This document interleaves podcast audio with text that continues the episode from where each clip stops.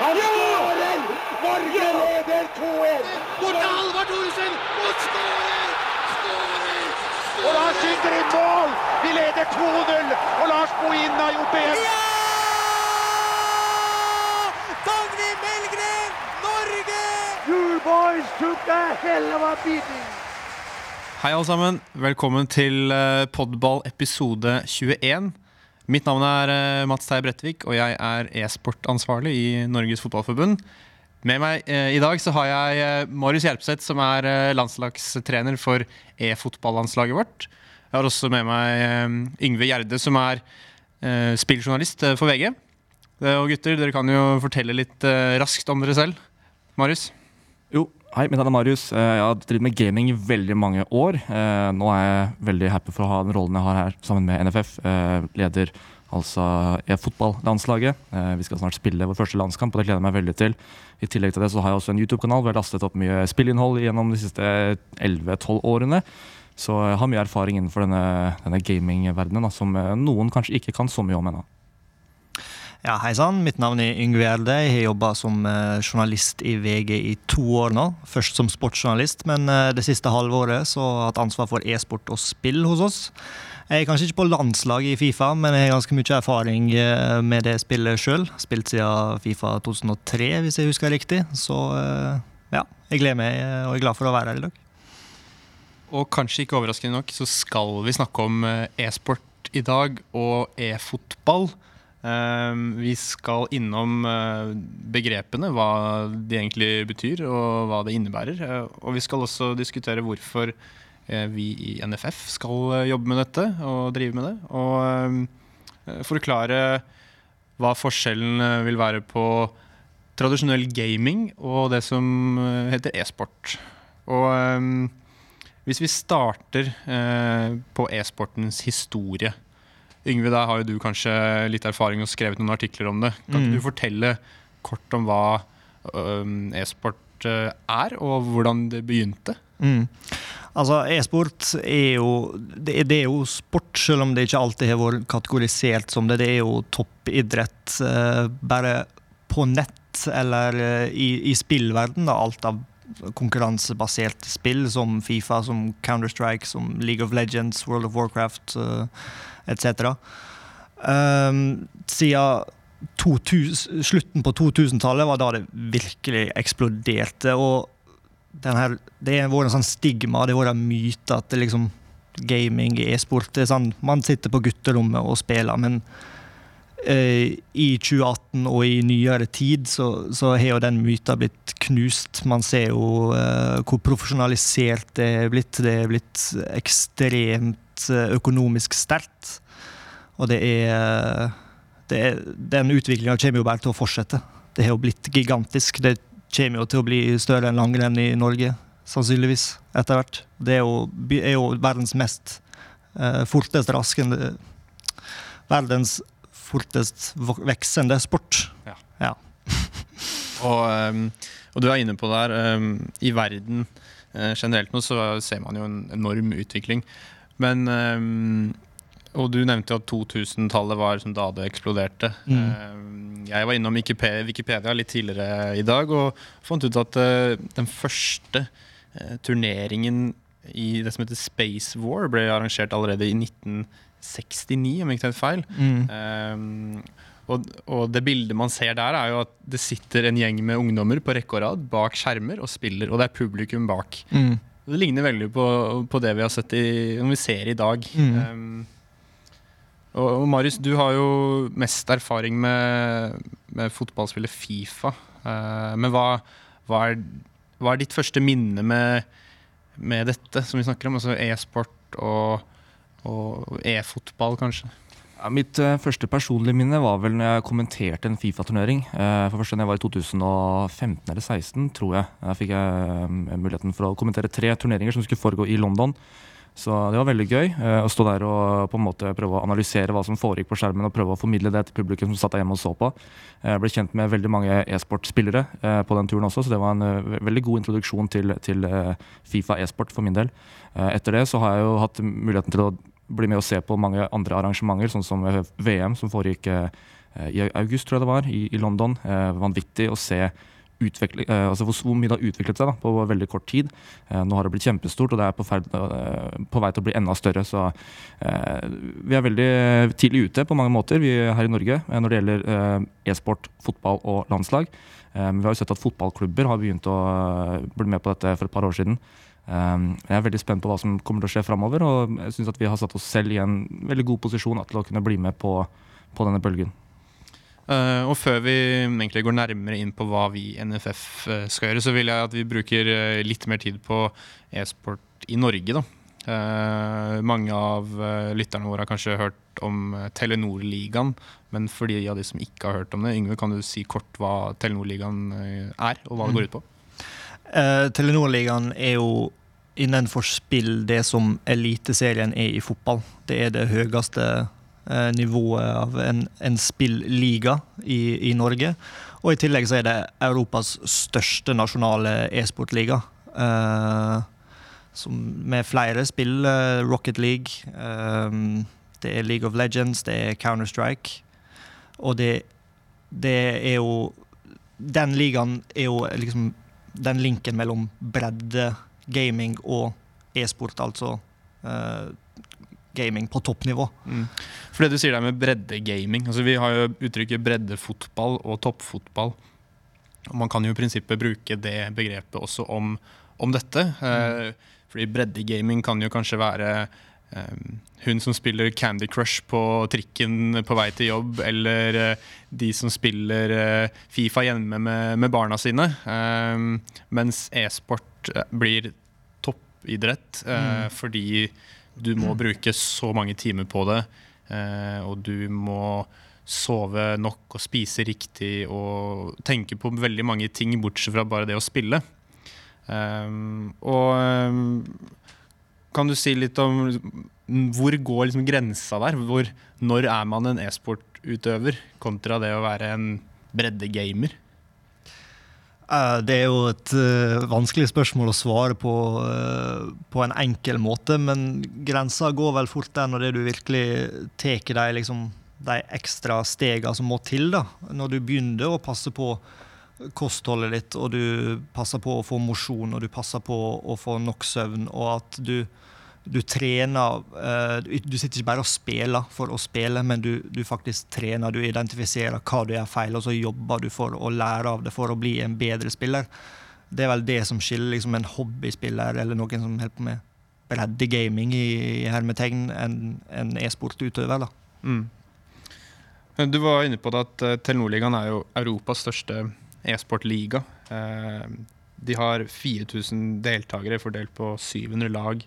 Det organiseres 6000 kamper eh, på tvers av alle disse spillene i løpet av et år. Mm. Ehm, CSGO er det spillet med, med flest deltakere. 400 norske lag som spiller totalt 3500 kamper.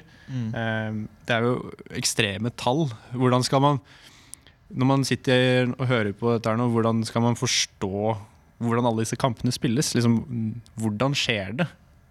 det kreves, det kreves, jo eh, et dyktig team til å håndtere alt det her. Det er veldig mye som skal organiseres, det er veldig mange biter som skal på plass i puslespillet. Så all ære til de som driver med det. Uh, og de må jo bare fortsette, for det, det her får jo, jo, ingen plass. Det her jo, det er kommet for å bli, og det kommer til å bli større og større. Hvordan kan Europas største nasjonale liga bli enda større? Det er et godt spørsmål som jeg ikke har svaret på eh, på stående fot. Men at det er kommet for å bli, er det iallfall ingen tvil om. Veldig bra. Um, Marius, du er jo landslagstrener for uh, e-fotballandslaget vårt. Uh, vi startet jo først og fremst med å kalle dette uh, prosjektet eller aktiviteten for e-sport, men vi har gått nå over til e-fotball. Kan du si litt om uh, hvorfor vi har gjort det. Det kan jo være Jeg tenker på E-fotball er kanskje mer passende i forhold til hva vi driver med. E-sport er jo et mer generelt begrep for, for flere spill. ja. Jo, det er jo mange forskjellige e-sportgrener som finnes her, her, i verden. Vi har jo uh, de større kategoriene som racingspill, uh, sportsspill, skytespill, uh, strategispill. alt mulig rart, egentlig. Det er veldig mange forskjellige kategorier, og innenfor de kategoriene så finnes det veldig mange spill. NFF er jo det, dreier seg mest om fotball, da. så det er veldig naturlig at Fifa og PES eksempel, er de spillene vi skal fokusere på. Derfor har vi da vi har satt fokus på e-fotball. da. Um Vi, eh, vi, lanserte jo dette mm, prosjektet, eller aktiviteten, i, i, januar, hvor vi inviterte eh, publikum til å spille med oss og mot oss. Eh, og det startet jo som en måte å engasjere en, en vanskelig målgruppe på. Aldersgruppen 13 til 30 år. Det er, er en utfordrende målgruppe å treffe, da de er på mange forskjellige plattformer. Nå har vi kommet så langt at vi har lansert et landslag i e-fotball med fokus på Fifa i første omgang. Um, og Marius, du kan jo kanskje fortelle uh, litt om opplegget og, og hvordan uh, det fungerer, og hva vi har fått gjort så langt i år. Ja, eh, og Vi kan egentlig ta det litt fra starten, for det er mange som ikke veit hva e-sport er. Og mange som ikke skjønner at det går an å ha et e-sportlandslag i eh, virtuell fotball. Eh, da kan jo starte med å si at For bare noen år tilbake så var det Wolfsburg tror jeg, som var første fotballklubben som var ute med å signere sin første Fifa-spiller. Og Etter det så har det blitt flere fotballklubber som har gjort det samme. Nå finnes det veldig mange, ikke bare lag, men faktisk ligaer som har fulgt opp med e-sportopplegg det er da spillere som representerer klubber og spiller i turneringer mot hverandre. Og nå har det begynt å skje på, på nasjonal basis også, hvor eh, rett og slett land skal konkurrere mot hverandre. Eh, landskamper i Fifa, PES osv. Eh, NFF har startet et landslag. Eh, vi annonserte det for et par måneder tilbake. Og har nå samlet en tropp med på dette tidspunktet fire spillere som skal representere oss eh, og gå og spille match eh, nå ganske snart. Eh, så vi eh, har trenet sammen. Vi, eh, vi er litt, spillerne er spredt rundt omkring i Norge, så foreløpig så har vi gjort online-samlinger hvor spillerne sitter hjemme hos seg selv og deltar online, hvor vi trener, spiller med og mot hverandre for å utvikle ferdighetene og samtidig gå gjennom strategier og hvordan vi skal gå inn i vår første landskamp. Og så skal vi snart samles uh, i, uh, først her i, i, Oslo, og så drar vi sammen til, uh, til, match, hvor vi skal ha et par dager med enda mer hardtrening før det etter hvert blir en kamp da, mot, mot, Frankrike, som, som, vi har nevnt allerede. så vi, vi, legger opp treninger, og vi har krav til hva spillerne ja, hva de spiser, og de, at de må få nok søvn. og sånne ting. Det er viktig at det er på plass når man skal prestere på høyt nivå, og det er det vi vil. Vi vil ha lyst til at Norge skal bli en av de absolutt beste nasjonene når det gjelder e-fotball. Mm. Og det som slår meg når vi sitter her nå, er at det er jo ikke sikkert alle som hører på, nødvendigvis vet hvordan man spiller Fifa, eller hva det går ut på, eller hvordan man konkurrerer. Um, og Yngve, du kan jo, i tillegg til at du er uh, spilljournalist i VG, så er du også en ivrig Fifa-spiller selv uh, og kjenner godt til hvordan dette fungerer. Så du kan jo kanskje fortelle raskt om hvordan man konkurrerer i dette på profesjonelt nivå? Mm. Ja, altså det er, jo, det er jo som man kan se for seg som en fotballkamp. Det er to lag som spiller mot hverandre, om å gjøre å, gå seirende ut av det. Ofte som regel over to kamper. Der det, hvis det er virkelig jevnt, så er det sammenlagt mål som, som blir gjeldende. Eh, men kan, man kan også spille i et annet format enn bare én mot én. Man kan spille to mot to, der man er to eh, spillere fra Norge da, for eksempel, som, som styrer Norge, og så er man to spillere fra Frankrike som, som styrer det franske laget. Uh, og så blir jo det arrangert uh, turneringer verden over. Det er jo uh, eh, EA Sports, som er produsenten bak Fifa, arrangerer jo Foot Champions Cup. jeg tror det er åtte eller ni turneringer gjennom en Fifa-sesong. som da til slutt kulminerer i liksom Fifa E-World Cup, som er jo VM i Fifa, der det skal kåres en verdensmester. Så det er jo de mest kjente formatene. Uh, og det betyr jo også at man sannsynligvis vil få um, et Fifa-EM, eh, europamesterskap, etter hvert. Og så ser man også at Bundesliga i Tyskland, MLS i USA, Superliga i Danmark har fått på plass profesjonelle uh, toppdivisjoner kun for Fifa. da. Mm. Og du nevner jo store ligaer. Premier League er jo også inne i mm. dette. I eh, Champions League er jo inne i dette. Eh, så det er jo helt klart store aktører som nå får opp øynene for eh, e-fotball og, og ønsker å satse på den digitale fotballbanen, for å si det Mm. sånn. Mm. Um, så det er jo utrolig spennende utvikling vi har foran oss. Um, men det mange kanskje tenker på, er hvorfor NFF skal drive med dette her. Hvorfor skal vi jobbe med en aktivitet som i utgangspunktet oppfordrer til stillesitting? Vi ønsker jo i utgangspunktet å ha flest mulig ut for å spille fotball. Det er det vi jobber for.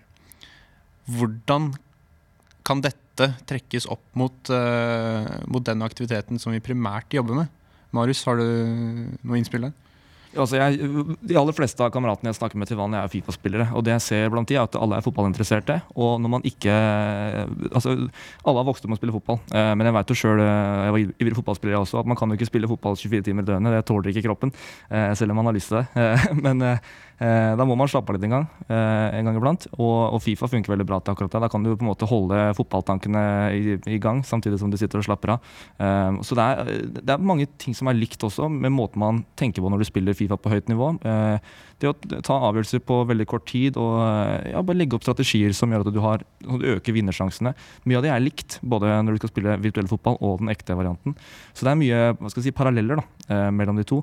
Eh, og så er det produsentene produsentene eh, Fifa-spillet, f.eks. EA, de er veldig flinke til å knytte spillet opp mot den ekte verden. sånn at eh, Mye av det du eh, ser i spillet du spiller, er direkte knyttet til f.eks. Eh, hva som skjer i en Premier League-kamp den samme helga. Sånn du, du er på en måte du, du får mest ut av Fifa hvis du også følger med på fotball i virkeligheten, og spesielt hvis du spiller fotball i virkeligheten også. Så det, alt det går veldig i ett. Altså. Så de som er fotballinteresserte, eh, eller de som er Fifa-interesserte, de, de har ofte en fot i den andre biten også, så at man gjør begge, eh, begge ting på en gang. Mm.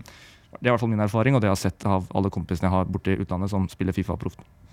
Og hvis jeg skal ta av meg programlederhatten og ta på meg NFF-hatten, så vil jeg jo legge til at eh, litt av grunnen til at vi gjør dette her, er jo som du sier, at vi, vi ser en, en klar kobling mellom det å være fotballinteressert og det å være god i Fifa. Um, vi hadde jo en Fifa-turnering på Ullevål her i oktober i forbindelse med Nations League-kampen vår mot Slovenia. Hvor en undersøkelse vi gjorde mot deltakerne, viser at i løpet av en uke så konsumerer de minst fem timer i snitt av direktesendt fotball i løpet av en uke. Det er tre kamper i løpet av en uke. Vi vet at uh, Anders, uh, som vant uh, turneringen, han konsumerer ti timer uh, direktesendt fotball i løpet av en uke. Han har også F NFF grasrottrenerkurs, og han er også fotballdommer. Det sier litt om engasjementet han har for fotball. Yngve, tror du at det er en klar kobling mellom det å nettopp være interessert i fotball og det å være god i Fifa? Absolutt. Og det, det spørsmålet du stilte i stad, hvorfor skal NFF være med på det her? Jeg vil heller snu på det spørsmålet og si hvorfor skal NFF ikke være med på det her? For det var jo som du var inne på eh, tidligere også, om at det, det handler om å nå en målgruppe som kanskje er litt vanskeligere å nå. Eh, de er på digitale plattformer. Det er der fotballspill er. Og hvis man da i tillegg er fotballinteressert, så skaper man en naturlig link mellom fotballspill og fysisk fotball, eller det å se på fotball på, på TV-en. Det merka jeg sjøl også. Da jeg var liten, så var det Hvis ikke jeg var ute og spilte fotball, så satt jeg inne og så på eller spilte et fotballspill sjøl. Jeg tror at eh, ikke bare får man liksom de tingene som Marius er inne på, som mental trening og det å reaksjonsevne, ta avgjørelser fort og, og uh, andre former for mental trening, men man får også uh, en måte å utvikle spillforståelse på. Jeg tror det at hvis det, man er en fotballspiller uh, som spe, faktisk spiller fysisk fotball og kan lese spillet, så har man større sjanse for å gjøre det bra i Fifa, fordi at man forstår mekanismene, man forstår taktikk, man forstår formasjon, man forstår hvordan motstanderen tenker i gitte situasjoner. Så at det er en link, det er jeg helt overbevist om.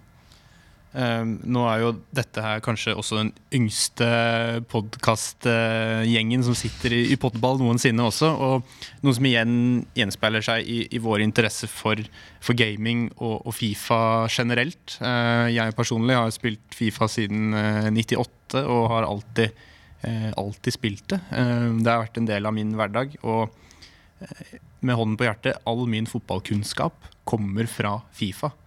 Um, og det er ikke bare meg som har det sånn, vil jeg tro. Um, du også, Marius, har jo eh, gjennom en årrekke brukt utrolig mye tid på Fifa. Og kanskje fotballkunnskapene dine også kommer derfra. Ja, det vil jeg si. Jeg begynte jo å spille Fifa sånn eh, for fullt eh, rundt 2007, vil jeg si. omtrent der. Jeg hadde spilt Fifa noen eh, ganger før det også, men det var fra 2007 og framover hvor jeg virkelig begynte å spille mye. Eh, og ja, 99% av alle spillernavn jeg kan, eller eh, bare navn på klubber eller eh, logoer eller hva det skal være for noe, alt det kommer egentlig fra Fifa. Så det der først, mye av det. Så Fifa er en god måte å på en måte ja, f- tilnærme seg litt uh, informasjon om fotballverdenen. Uh, og det, og det, det gjelder deg, og det gjelder meg, og det gjelder veldig mange. Uh, og det er andre fotballspill også som folk spiller hvor man har den samme opplevelsen. Fotballmanager f.eks. er mange som lærer mye om, eh, om spillere der. At man finner en spiller som eh, ja, et lite skjult talent da, som eh, kanskje ingen har hørt om. Men, så, men, og når han endelig blir stor i verden, så kan du si at ja, jeg visste om han fra før. Ja, for jeg hadde han på laget mitt i Football Manager 2003 eller et eller annet sånt. Nå. Eh, så eh, ja, man, man lærer mye om fotball ved å spille fotballvideospill. Det er helt klart.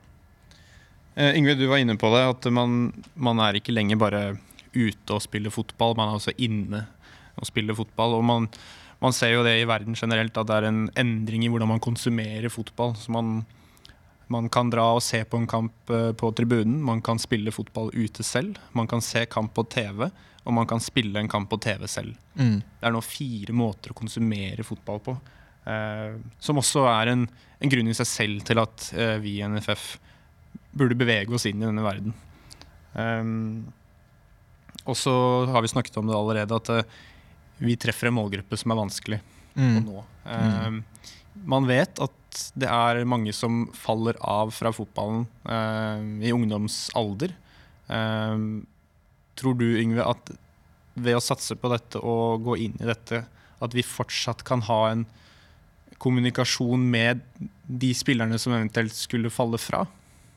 Absolutt. For den, den linken som nå, som nå skapes gjennom et sånt initiativ, eh, den har ikke vært der før.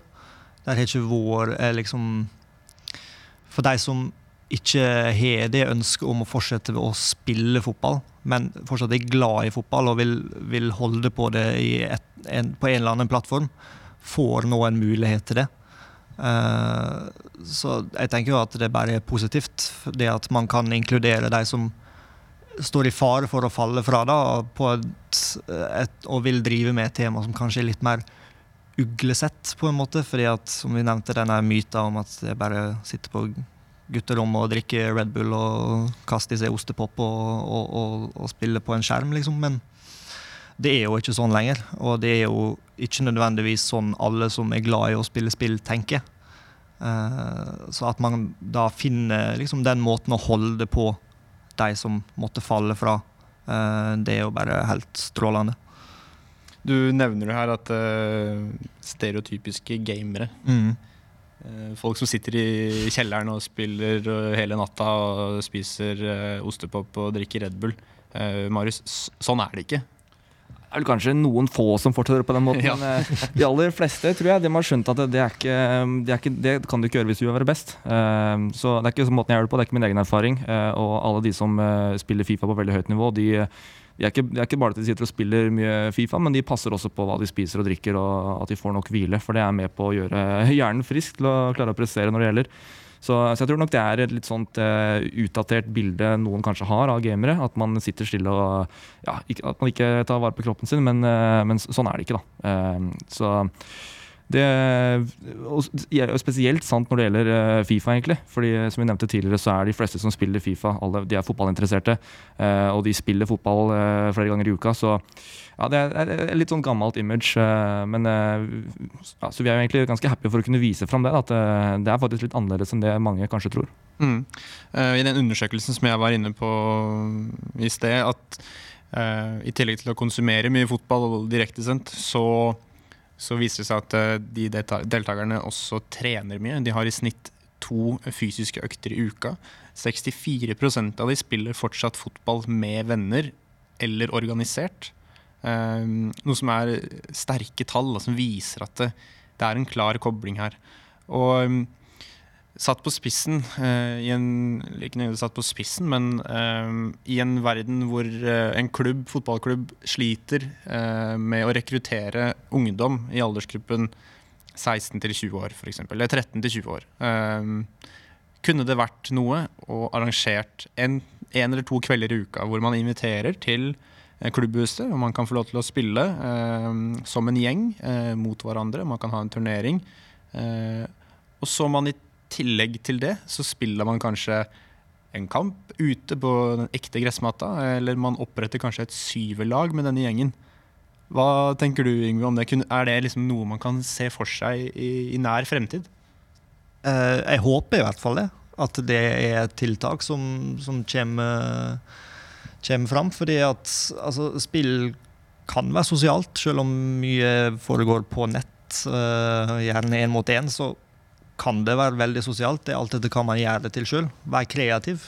Uh, ta sånne initiativ som det, du, som det du nevner der. Jeg ser ingen grunn til å ikke gjøre det. Altså, man, man, må sørge for, uh, uansett om man er et, uh, et breddelag, en sjettedivisjonsklubb eller man er en eliteserieklubb, så må man liksom man må klare å kunne rekruttere og fostre fram lokale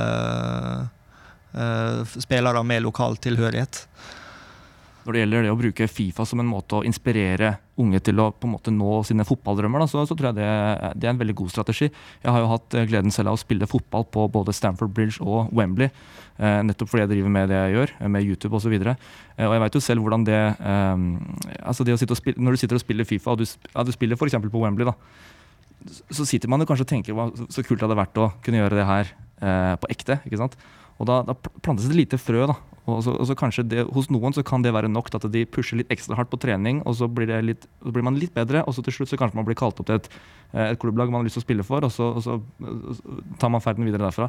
Um, så, så, Fifa er nok med på å inspirere unge, vil jeg tro. Det er nok noen der ute som uh, har blitt fotballproffer rett og slett fordi de ble motivert av å sitte og spille Fifa. Mm. Det er veldig, veldig interessant eh, å snakke om hvordan man kan knytte Fifa opp mot den virkelige fotballen. Eh, vi vet jo at på, på, vårt herrelandslag og kvinnelandslag så er det spillere som elsker å spille Fifa. Eksempelvis eh, Martin Ødegaard. Vi vet jo at han er ekstremt god. Vi vet at Caroline Gram, Gram Hansen er god i, i Fifa. Eh, og det som er så fint med e-sport, hvis du sammenligner det med tradisjonell idrett, er at det, finnes jo ikke noen herreklasser eller eh, kvinneklasser. Man kan eh, være på samme lag. Eh, og Yngve, du vet vel kanskje, eller du har kanskje noe formening om uh, hvordan det er i verden generelt, hvordan det er med kvinner og menn. Har du noen innspill på det, liksom på e-sport generelt? Altså At det fortsatt er mannsdominert, det er jo det ingen som helst tvil om. Men uh, jeg ser stadig vekk flere klubber annonsere kvinnelige e-sportutøvere. Ikke nødvendigvis kun i Fifa, men i, i andre spill, i skytespill f.eks., som, som i CSGO. Eh, men at det fortsatt er en mannsdominert sport, det er det ingen som helst tvil om. Nei, nå, nei og det har du nok rett i. Og um, uten at vi sa det innledningsvis her, men e-sport er jo en, en idrettsgren som først og fremst utviklet seg i Asia. Uh, som ekstremt stort der uh, på tidlig 2000-tallet. Og eh, jeg fikk høre i går eh, Jeg var på en workshop i Paris, eh, uten at vi skal gå inn på det, med åtte andre forbund i Europa hvor vi snakket om dette her. Og da var det en som nevnte at i, i Asia så er det omtrent 50-50 hva gjelder kvinnelige og mannlige spillere Oi. på de ulike e-sportlagene. Og det er jo kanskje noe vi i Europa her skal strekke oss etter. Og hvis man tenker på vårt Eh, landslag i e-fotball, så er det jo ingenting i veien for at uh, fire av våre spillere, uh, hvor at to av de kan være jenter, eller at kanskje alle fire er jenter. Så lenge de er gode nok og på det nivået man må være. Da. Marius, jeg vet ikke hva du tenker om det? Nei, jeg bryr meg ikke om det er jenter eller gutter som er på laget. Så lenge de er gode i Fifa, så, så holder det for oss. Vi, vi sikter etter å være best, så da gjelder det bare å være Ja, vi, man kan bare spille Fifa og bli god, så, så holder det. Altså. Det er ikke noe mer som må til. Um, vi har vært inne på det. Norges uh, første landskamp i e-fotball skal spilles uh, tirsdag neste uke. Vi møter Frankrike i Paris. Hvordan? Jeg, jeg vet svaret, men uh, alle der ute lurer kanskje på hvordan i granskauen skal en sånn kamp spilles? Marius? Ja, altså Nå er det landskamp, da. Og det som er gøy med landskamper, er jo at liksom to land eh, skal konkurrere, og da samles eh, liksom eh, menneskene i hvert sitt land, og så er det liksom litt sånn match, ikke sant. Eh, men oftest så er jo Fifa-matcher én mot én. Eh, det er i hvert fall sånn klubbfotball foregår, og de tradisjonelle turneringene. Men når det gjelder lands landskamper, så uh, er konseptet litt annerledes, nettopp for å skape den landsfølelsen at man er uh, sammen om dette her. Uh, så da er det sånn at i denne gang i hvert fall, så skal fire spillere representere landet. Fire nordmenn skal da møte fire franskmenn, og så skal de gå til match. så vidt jeg vet, så skal det da foregå fem matcher. fire én-mot-én-matcher og én dobbeltmatch. Nøyaktig rekkefølgen på de matchene vet jeg ikke, men det skal i hvert fall være fem matcher totalt. Så vi ligger nå i hardtrening for å være forberedt på både én-mot-én-matchene og to-mot-to-matchen. Mm. Uh, det kan jeg skyte inn uh, siden jeg var i Paris i går og snakket med Frankrike om dette. At vi, vi skal spille det som heter Davies Cup. Hvor man spiller uh, to enkeltkamper, så en dobbeltkamp. og så to enkeltkamper. Og underveis i denne turneringen så kan man også velge å avslutte turneringen hvis det står 3-0 etter tre kamper. men det er ikke nødvendigvis tilfellet på tirsdag. Da dette er vår første landskamp, og vi ønsker at alle våre spillere skal få spille. Men eh, det som vil bli et naturlig oppfølgingsspørsmål til det du nettopp sa, Marius, er jo Norge og Frankrike, er ikke det to eh, ganske ujevne lag, hvis man skal eh, tenke på hvordan det er i virkeligheten? Jo, nå er det jo sånn at eh, spill, altså Ferdighetene til spillerne i selve spillet. Eh, de er jo basert på ferdighetene spillerne har i virkeligheten. Eh, og da kan du ikke, Vi trenger ikke å skjule at Frankrike er litt sterkere enn Norge. Så noen av spillerne deres har altså ferdigheter som de norske spillerne ikke har. Eh, det ville jo i utgangspunktet gitt en fordel til franskmennene hvis de skal konkurrere med sitt lag, og så skal vi konkurrere med vårt. måten det blir løst på, er at vi spiller en modus som heter 85 rated, hvor alle spillere er likestilt, da, kan du si hvor alle høyre midtbanespillere er like kjappe og like flinke til å skyte og like flinke til å sentre som de andre høyre midtbanespillerne. Eh, så klart eh, Forsvarsspillere er like med hverandre, keepere er like med hverandre osv. Så, videre. så når det gjelder ferdigheter, så er det likt. Eh, da er det litt andre ting å tenke på. F.eks. så blir høyde en veldig viktig eh, forskjell. Eh, så der stiller jo Norge plusser ganske godt, egentlig, når, når ferdighetene er like og det er rett og slett går på eh, fysikk. For vi har jo veldig mange store og sterke og flotte karer i troppen vår. Så det skal bli spennende å se hvordan den kampen blir når vi, når vi møter Frankrike. Jeg tror det kommer til å bli ve veldig jevnt, men hvis man skal ja, liksom se på forskjellene mellom de to lagene, så er det kanskje vi som har en liten fordel, hvis, hvis ikke jeg tar helt feil. Yngve? Jeg syns det her er ekstremt spennende når man ser på Norge og Frankrike og ser på potensielle startelvere, hvordan de blir rokert pga. at det blir så jevna ut. En Golo Canté, f.eks. Eh, en Fifa-favoritt for mange. En fantastisk god midtbanespiller. Eh, men i en duell med Sander Berge hvis de er like gode på alt, men det er bare høyden som skiller dem, så er plutselig Sander Berge en stor fordel. Olivier Giroud, ingen spesielt uh, fantastisk Fifa-spiller. Ikke god i, tog, for å si det sånn? Nei, ikke veldig god i virkeligheten, for all del. Men på Fifa har ingen aldri vært noen liksom, han, gigant. da. Men nå blir han plutselig uh, en mann å se opp for. Jeg syns det, det, er veldig kult å se hvordan det slår ut. Hvordan lagoppstillingene blir, egentlig. Ja, og det er jo noe vi skal bruke en del tid på i dagene som kommer, eh, Marius. Og nå har vi jo snakket om den virtuelle troppen og lagoppstillingen, og den, den er jo lik. Den er jo jevn nå. Eh, så vi spiller med 85 rated og, og, sånne ting. Men de spillerne som skal benytte seg av denne troppen, altså de fysiske spillerne som, eh, som vi har tatt ut Vi har jo, bare for å nevne det, tatt ut Anders Rasmussen, Arkan Resul, Magnus Myhra Christiansen og Sondre eh, Voktor. Som er fire gode Fifa-spillere, men ingen av de har noe spesielt med internasjonal erfaring. Uh, Magnus har deltatt uh, i det som heter G-Infinity uh, i år, og har spilt en del internasjonalt. Men likevel ikke nok sammenlignet med de franske spillerne som du kan si litt mer om, Marius? Ja, det er, det er, klart at de, de, franske spillerne har mer internasjonal, internasjonal, erfaring enn det våre gutter har. Eh, men det trenger ikke å bety så mye, egentlig. Eh, for nå skal vi da spille i en spillmodus som er ganske nytt for de fleste. Eh, det som gjelder, er å klare å holde nervene under kontroll eh, og bare fokusere på det man kan best. Som du nevnte, så har Magnus spilt litt i utlandet. Han er kanskje en av våre sterkeste spillere, vil jeg si. Han er veldig, veldig god. vi har sett hva han får til på trening når vi, når vi har hatt trening. så jeg gleder meg til å se hvordan han presterer mot, uh, de franske. Uh, jeg tror faktisk han spilte mot en av de franske spillerne nå for ikke så lenge siden. Og det var en veldig jevn match som uh, gir god, godt tegn på hva som kommer til å skje i Paris. Magnus har også konkurrert tilfeldigvis mot spillere som representerer andre land også, f.eks. Sverige. Han spilte mot en av de svenske landslagsspillerne og slo han 10-2, tror jeg, over to matcher. Så, så Magnus har vist et veldig høyt nivå. Og vi har jo sett hva Anders får til. F.eks. Anders slo jo Magnus i, i turneringen på Ullevål. Eh, så vi har en ganske sterk tropp. Altså. Så eh, selv om franskmennene egentlig har eh, erfaringer på sin side, så, er det ikke sikkert det trenger å bety så mye. For vi har, vi har veldig god tropp, vi også. Jeg gleder meg til å se hvordan det spiller seg ut når vi, når vi møter dem på, på tirsdag. Mm. Um, I går, altså onsdag, nå spiller vi dette inn på en torsdag, uh, så ble det arrangert en online-turnering uh, via gamer.no, som har pågått en måneds tid nå. og der var finalen faktisk mellom, uh, mellom Sondre og Magnus, uh, hvor Sondre vant uh, over tre kamper. 2-1 sammenlagt. Kan du ikke si litt om, om Sondre og Arkan også? Du har fortalt om Anders og, Magnus, hvordan de er som spillere, og hva de kan. Hva, hva kan du si om Sondre og Arkan? Sondre og Arkan, Første gang jeg ble kjent med dem var jo på turneringen vi arrangerte på Ullevål.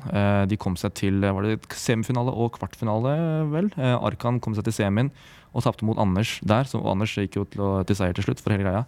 Uh, mens uh, Sondre derimot uh, kom til åttendels, var det vel, mot, mot, også igjen Anders. da. Vi satt jo og lo litt av det at Anders, alle de han slo ut på veien til toppen, var faktisk de andre gutta som endte opp på landslaget til slutt allikevel. Så han hadde jo veldig tøff motstand på vei dit. Sondre og Arkan, veldig gode spillere. Igjen, vi har sett, vi har sett hva de får til på trening. Eh, veldig hyggelige karer også. Eh, så nå sitter jo ikke franskmennene og hører på dette her, så det er ikke så farlig å røpe for mye strategi. Men eh, samtidig så har jeg ikke lyst til å utvikle en vane om at jeg sitter og snakker for mye om hva som foregår på trening. Men jeg kan jo si at Sondre og Arkan har prestert veldig bra, så jeg er veldig jeg, føler at vi har en solid tropp. Alle fire som er med, har vist at de har det som skal til for å representere Norge og prestere på det høyeste nivået, så dette blir veldig bra. Eh, som vi har vært inne på i løpet av episoden, her nå, så er jo alle vi Fifa-spillere. Eh, akkurat nå så tror jeg kanskje Yngve er den aller aller ivrigste av oss. Og for alle de der ute som hører på, som er i Yngves posisjon og vil på landslaget, hvordan gjør man det? Ja, Det er mange som har skjønt allerede hva de skal gjøre. Når du bare tar kontakt med meg egentlig. Jeg har fått masse meldinger på, på Facebook og på Twitter og, og, forskjellige sosiale medier om folk som har lyst til å vise hva de kan. Eh, da kan jeg jo si såpass at eh, det er best hvis dere tar kontakt via Twitter. Eh, er kjappere til å svare der enn på Facebook. Eh, så ja, det er bare å ta kontakt. Eh, send gjerne screenshots av rating eller forskjellige resultater i turneringer eller i Weekend League osv. du kan starte der, og så utvikler vi en dialog som ja, så kanskje får du muligheten til å delta på en eller annen slags eh, ja, prøvespilling da, i framtiden. Vi arrangerer jo stadig turneringer eh, og, og, er alltid på jakt etter flere spillere. Nå har vi fire, men vi er som sagt eh, på jakt etter ca. Ja, to eller fire spillere til. omtrent. Så vi skal ha en tropp på ca. seks til åtte spillere. Så det er flere plasser igjen.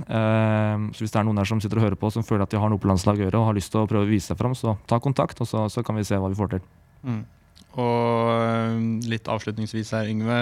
Landskampen på tirsdag skal jo også sendes på VG. Mm. Um, kan du ikke si litt om uh, deres uh, rolle her, og, og, hva du tror om kampen? Mm. VG har jo uh, den høsten her bestemt seg for å, å trappe opp på e-sport. vi inngikk tidligere i, i, år et samarbeid med Telenor-ligaen der vi viste sluttspillet derfra. Uh, og nå kaster vi oss uh, på Fifa-bølgen også. Uh, det blir veldig kult. alle detaljer er ikke helt på plass ennå, men planen er at vi skal stille med et direkte studio der folk kan, kan, følge med tekstmessig og sende inn spørsmål og slike ting.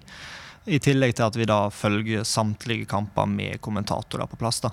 det er jo den foreløpige planen. Eh, jeg tror det blir veldig kult eh, å følge sendinga slik. Eh, og ja, det er bare å svippe innom VG på vg.no på tirsdag og følge med på Norges første landskamp. Hva tror du om kampen? Oh, jeg, jeg, jeg tør ikke å komme med noen spådom. Jeg tror Frankrike er, er forhåndsfavoritter. Jeg så litt på Foot Champions Cup som var i Bucuresti i Romania forrige helg. Der eh, en av de franske landslagsspillerne, Maestro, eh, kom seg til eh, utslagsrundene og viste jo at han er en mann å se opp for, selv om han ble slått ut i kvartfinale, tror jeg det var. Jeg vet at Frankrike har vunnet de to første landskampene sine mot Belgia og Nederland, så de har jo fått seg litt landslagskamperfaring. Jeg tror det Marius er inne på med det å klare å holde, holde nervene under kontroll og, og ikke bli liksom bli grepet av, eh, av eh, begivenheter. Kommer til å bli en nøkkelfaktor for eh, de norske. Altså, Fifa er jo Fifa. Alt mulig kan skje. Umulig å spå, å spå, en, spå en vinner. Så jeg tror det blir jevnt. Jeg tror det blir kult. Jeg gleder meg til å følge det, rett og slett. Godt å høre. Vi, eh, som du sier, Fifa er Fifa. Alt kan uh, skje. Um, før vi runder av episoden, så vil jo jeg gjerne fortelle uh, raskt om våre planer for eh, 2019. Vi, I tillegg til å fortsette å spille landskamper mot andre forbund, så skal vi også uh, se etter nye landslagsspillere. Vi hadde jo en turnering i oktober i år, og vi kommer mest sannsynlig også til å ha den turneringen også i oktober neste år.